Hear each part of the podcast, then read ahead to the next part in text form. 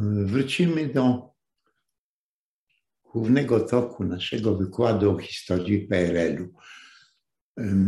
Wcześniej omawialiśmy dwie takie epoki, które wystąpiły w PRL-u. Obie były bardzo nieprzyjemne dla Polaków. Drugi okres to jest okres, który dąży do takiego praktycznie organicznego wcielenia e, Polski do zreformowanego obozu socjalistycznego.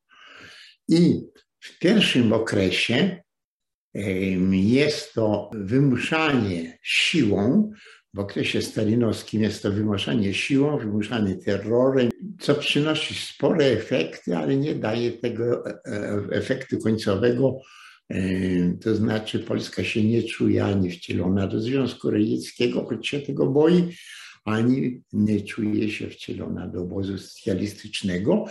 Czuje się tylko przymuszona do realizowania polityki sowieckiej. Tylko to. Polityki sowieckiej w Polsce i poza Polską. Te dwa okresy omówiliśmy. Możemy je zakończyć mniej więcej na październiku 1956 roku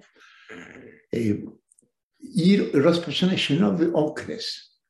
Okres bardzo długi, okres, e, który może też można też podzielić na dwa, e, na dwie epoki.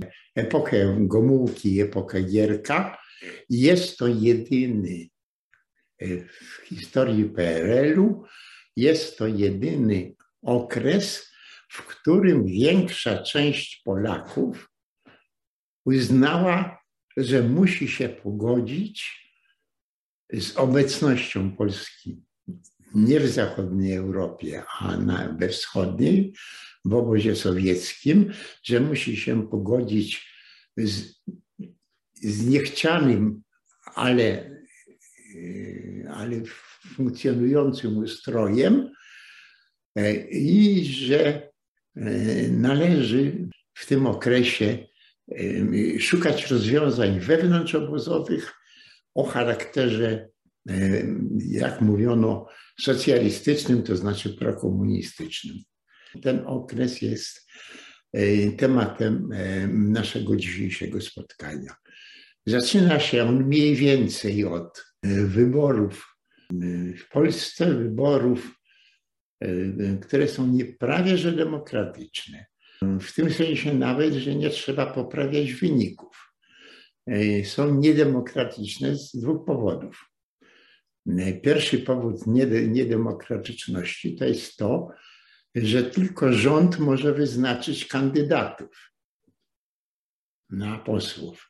Społeczeństwo nie ma żadnej możliwości wyznaczenia kandydatów na posłów i może tylko głosować na tych, których ustalił rząd. To raz.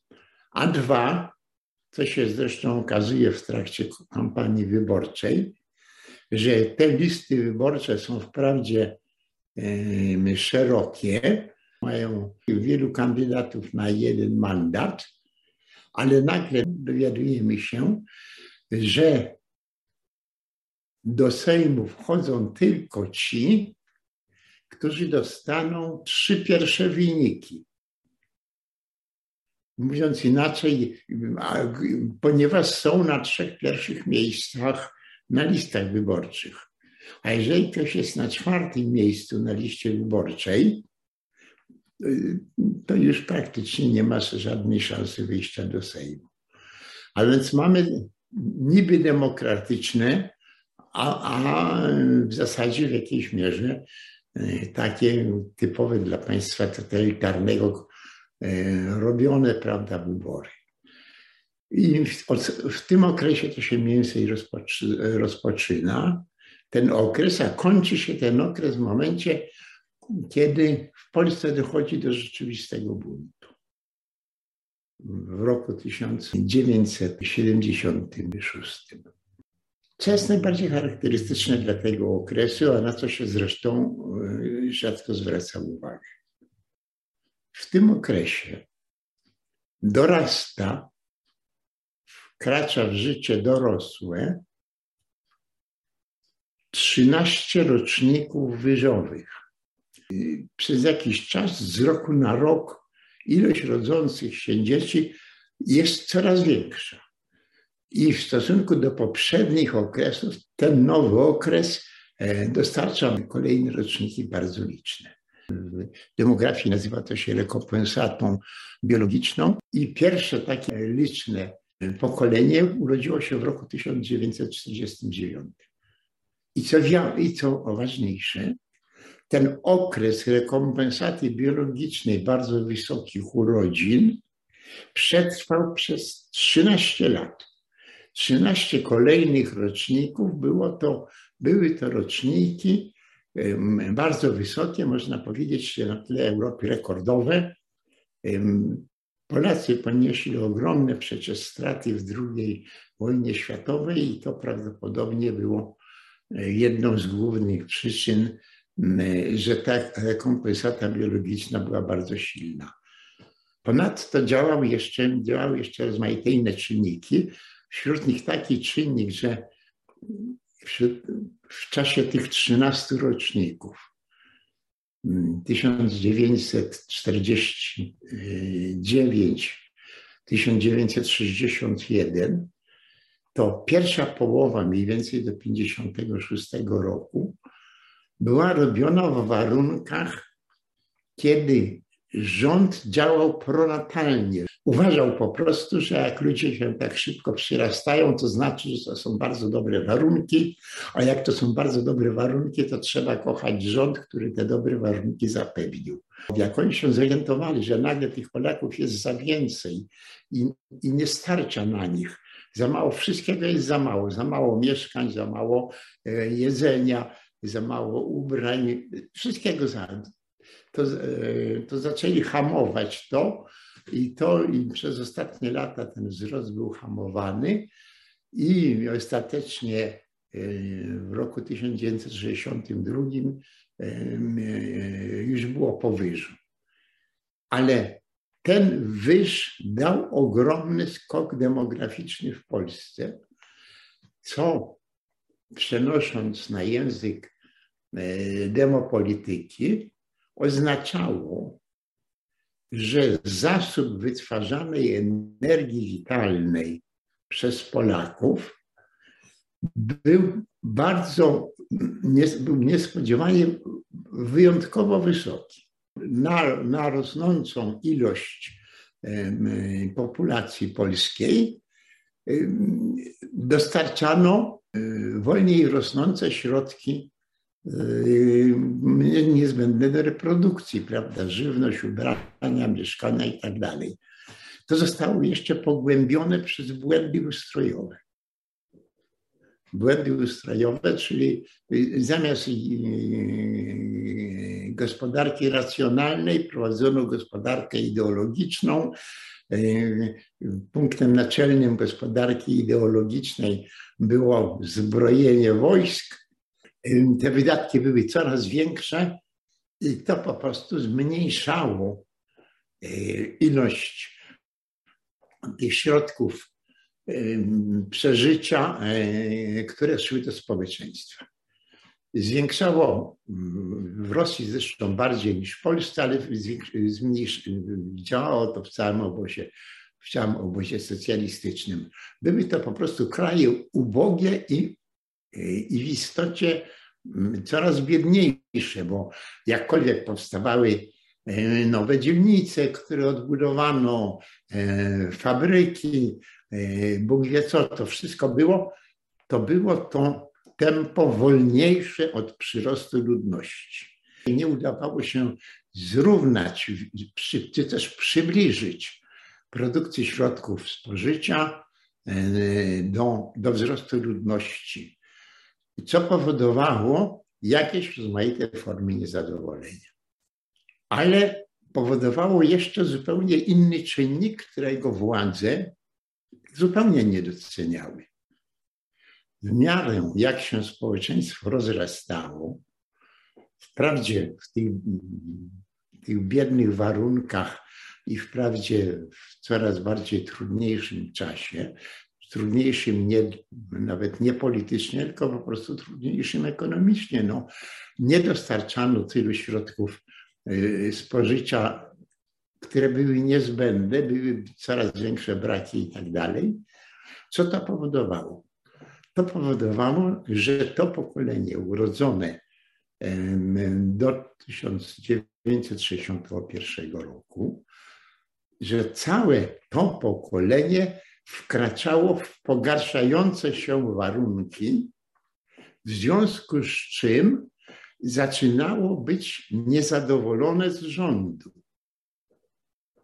Jeżeli w 1956 roku, gdzie była absolutna bieda, to nikt na tą biedę nie, nie patrzył i wszyscy krzyczeli Wiesław, Wiesław, Wiesław, bo towarzysz Gomułka uratował nas, uratował nas przed Stalinem, uratował nas przed Związkiem, przed wszystkich nas uratował. No komunista wprowadzał, ale to bohater narodowy. Jak mówiłem już wcześniej, e, w XX wieku nie było żaden polityk nie, nie uzyskał takiego emocjonalnego, wielkiego poparcia jak e, Gomułka e, w tych tygodniach czy miesiącach października, listopada, e, no jeszcze trochę dłużej, 56 roku. I teraz te społeczeństwa odczuwają, to społeczeństwo w miarę upływu czasu ponieważ rosło bardzo szybko, a środki produkcji nie rosły tak szybko, odczuwało coraz większy niedostatek, a później biedę.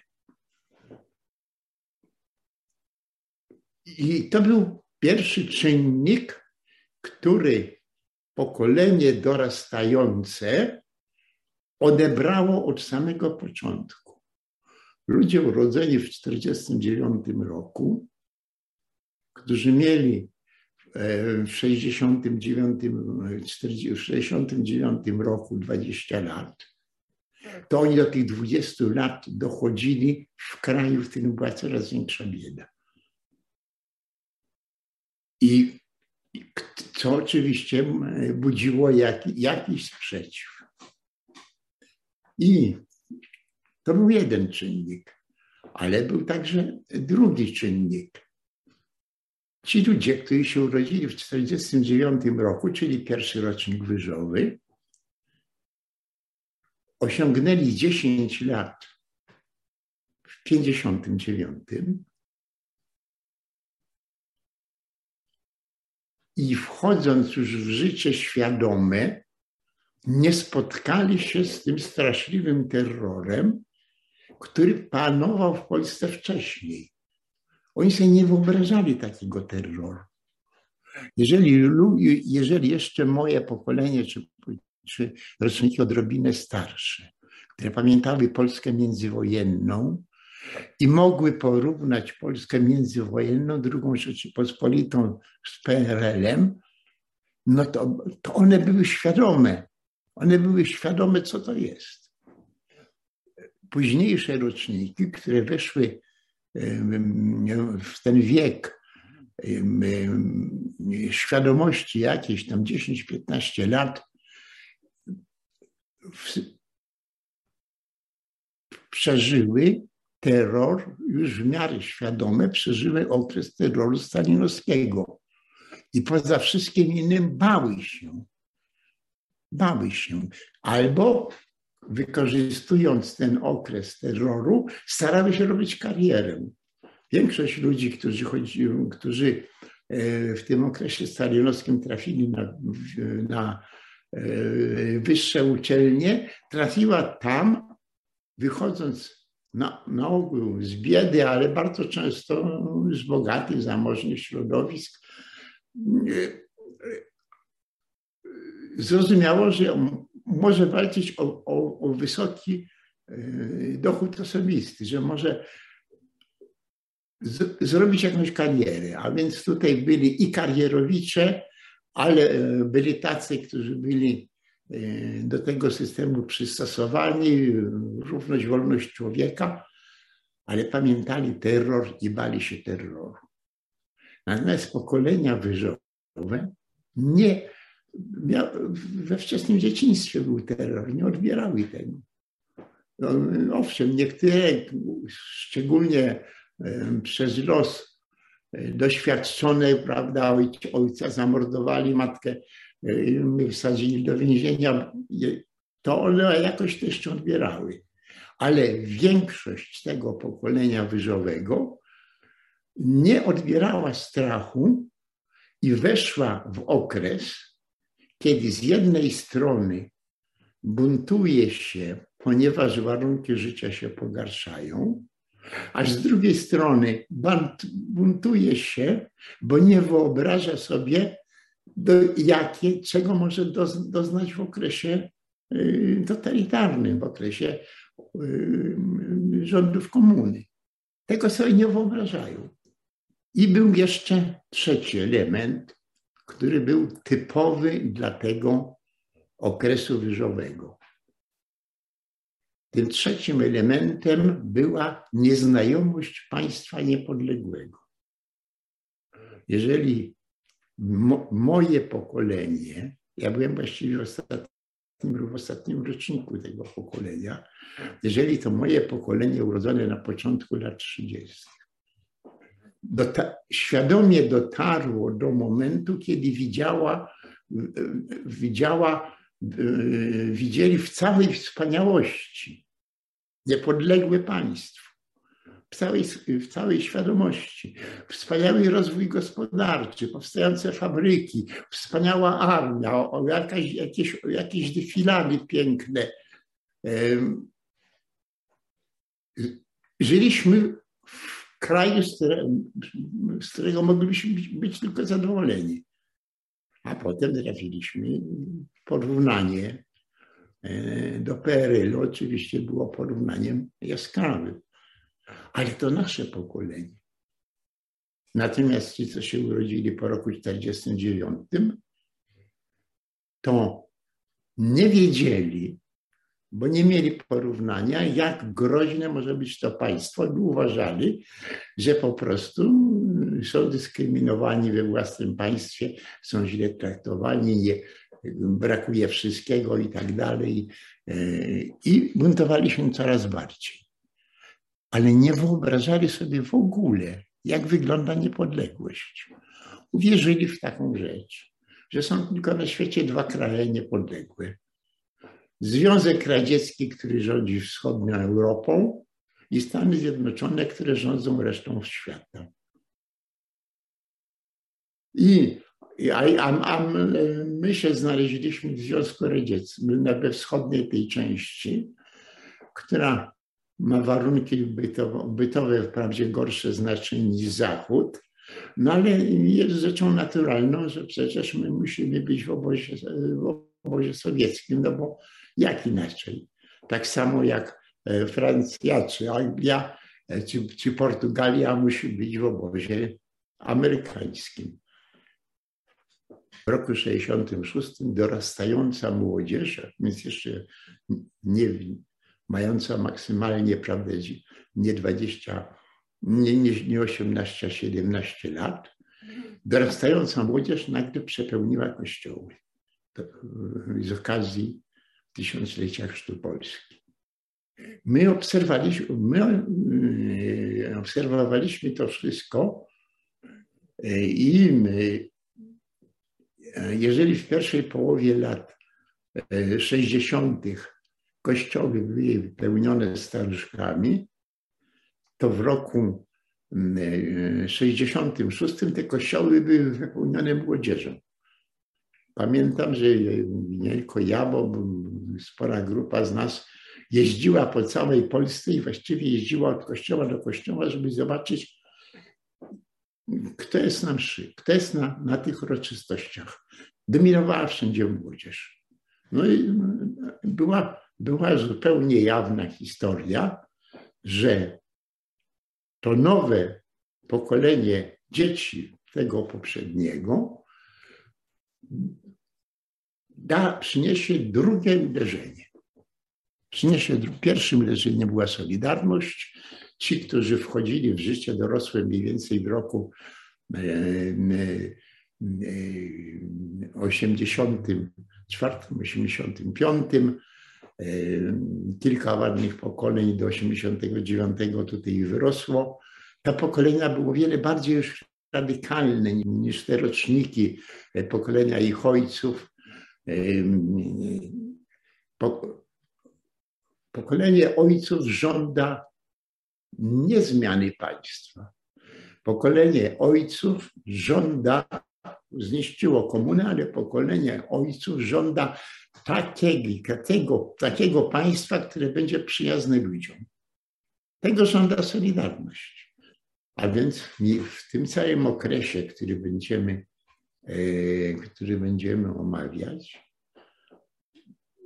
mieliśmy dwa zjawiska podstawowe. Pierwsze zjawisko. Państwo, które jest państwem totalitarnym i, i przykładającym podstawowe znaczenie do sił zbrojnych, żeby zrobić rewolucję światową, to to państwo zabierało środki przeżycia ludziom i powodowało niezadowolenie, rosnące niezadowolenie, ale niezadowolenie w ramach PRL-u. Potrzebne są reformy, więcej, e, wyższe pensje, e, więcej towarów w sklepach i tak dalej, i tak dalej. Tego rodzaju żądania bytowe przede wszystkim. A nawet jeżeli to były żądania polityczne, to były e, większe swobody twórcze, poszerzenie edukacji, rozwijanie się. To już, to już było, prawda, coś innego. Ale, ale wszystko się, to się obracało w orbicie PRL-u i w obozu sowieckiego. I to, to pokolenie z tego nie wyszło. Ono, jego ogromną zasługą, która o całej przyszłości zadecydowała, było rozbicie ustroju komunistycznego, ale jego zasługą nie było stworzenie niepodległego państwa. Bo po pierwsze, nie bardzo tej wyobrażali sobie, co to jest niepodległe państwo, a w związku z czym y, to właściwie im wystarczało. Y, wystarczała święta zgoda między y, Solidarnością a PZPR. Tak jak, tak jak to było przynajmniej początkowo w rządzie Tadeusza Mazowieckiego. I w to wszystko wchodzi polityka. Przede wszystkim w to wszystko wchodzi polityka wewnętrzna. A ta polityka wewnętrzna jest odczuwana przez społeczeństwo. I teraz, co to jest za polityka zewnętrzna? Jest to polityka zewnętrzna totalitarnego państwa. Totalitarne państwo nie znosi żadnych swobód twórczych, żadnych demokracji. I jeśli musi, tak jak Gomułka na przełomie 56-57 roku musiał, jeżeli musi, no to udaje demokratów, ale jak ci demokraci za dużo chcą, to już rok 1957 pokazał, pierwszy, pierwszy że tak powiem, bunt studencki, to jak już ci oni za dużo chcą, to mamy pałki milicyjne. I te pałki są coraz większe, coraz grubsze, milicjantów i bezpieki coraz więcej.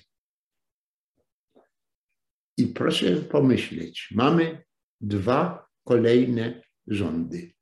Rząda, rząd Gomułki, który się zaczyna od czasów, no będziemy szli do demokracji, wszystko wolno i tak dalej, a kończy się strzelaniem do robotników. To jest rząd Gomułki. Przychodzi rząd Gierka i na szczęście nie dorasta już do strzelania do robotników, bo po prostu system jest po, po, po rozbiciu. PRL, cały ten system jest tylko maskowany. To jest, to jest y, kontrola wojska nad społeczeństwem. To wojsko pilnuje y, względnej stabilizacji Natomiast to społeczeństwo uważa, że w najlepszym wypadku dla władzy uważa, że jest przez władzę zdradzony. No bo w gorszym dla władzy przypadku, to od początku było przeciwko tej władzy, prawda? Ale ta większość, która miała jakieś rozmaite nadzieje, to ona, to ona te nadzieje, e, to ona te nadzieje po prostu traci.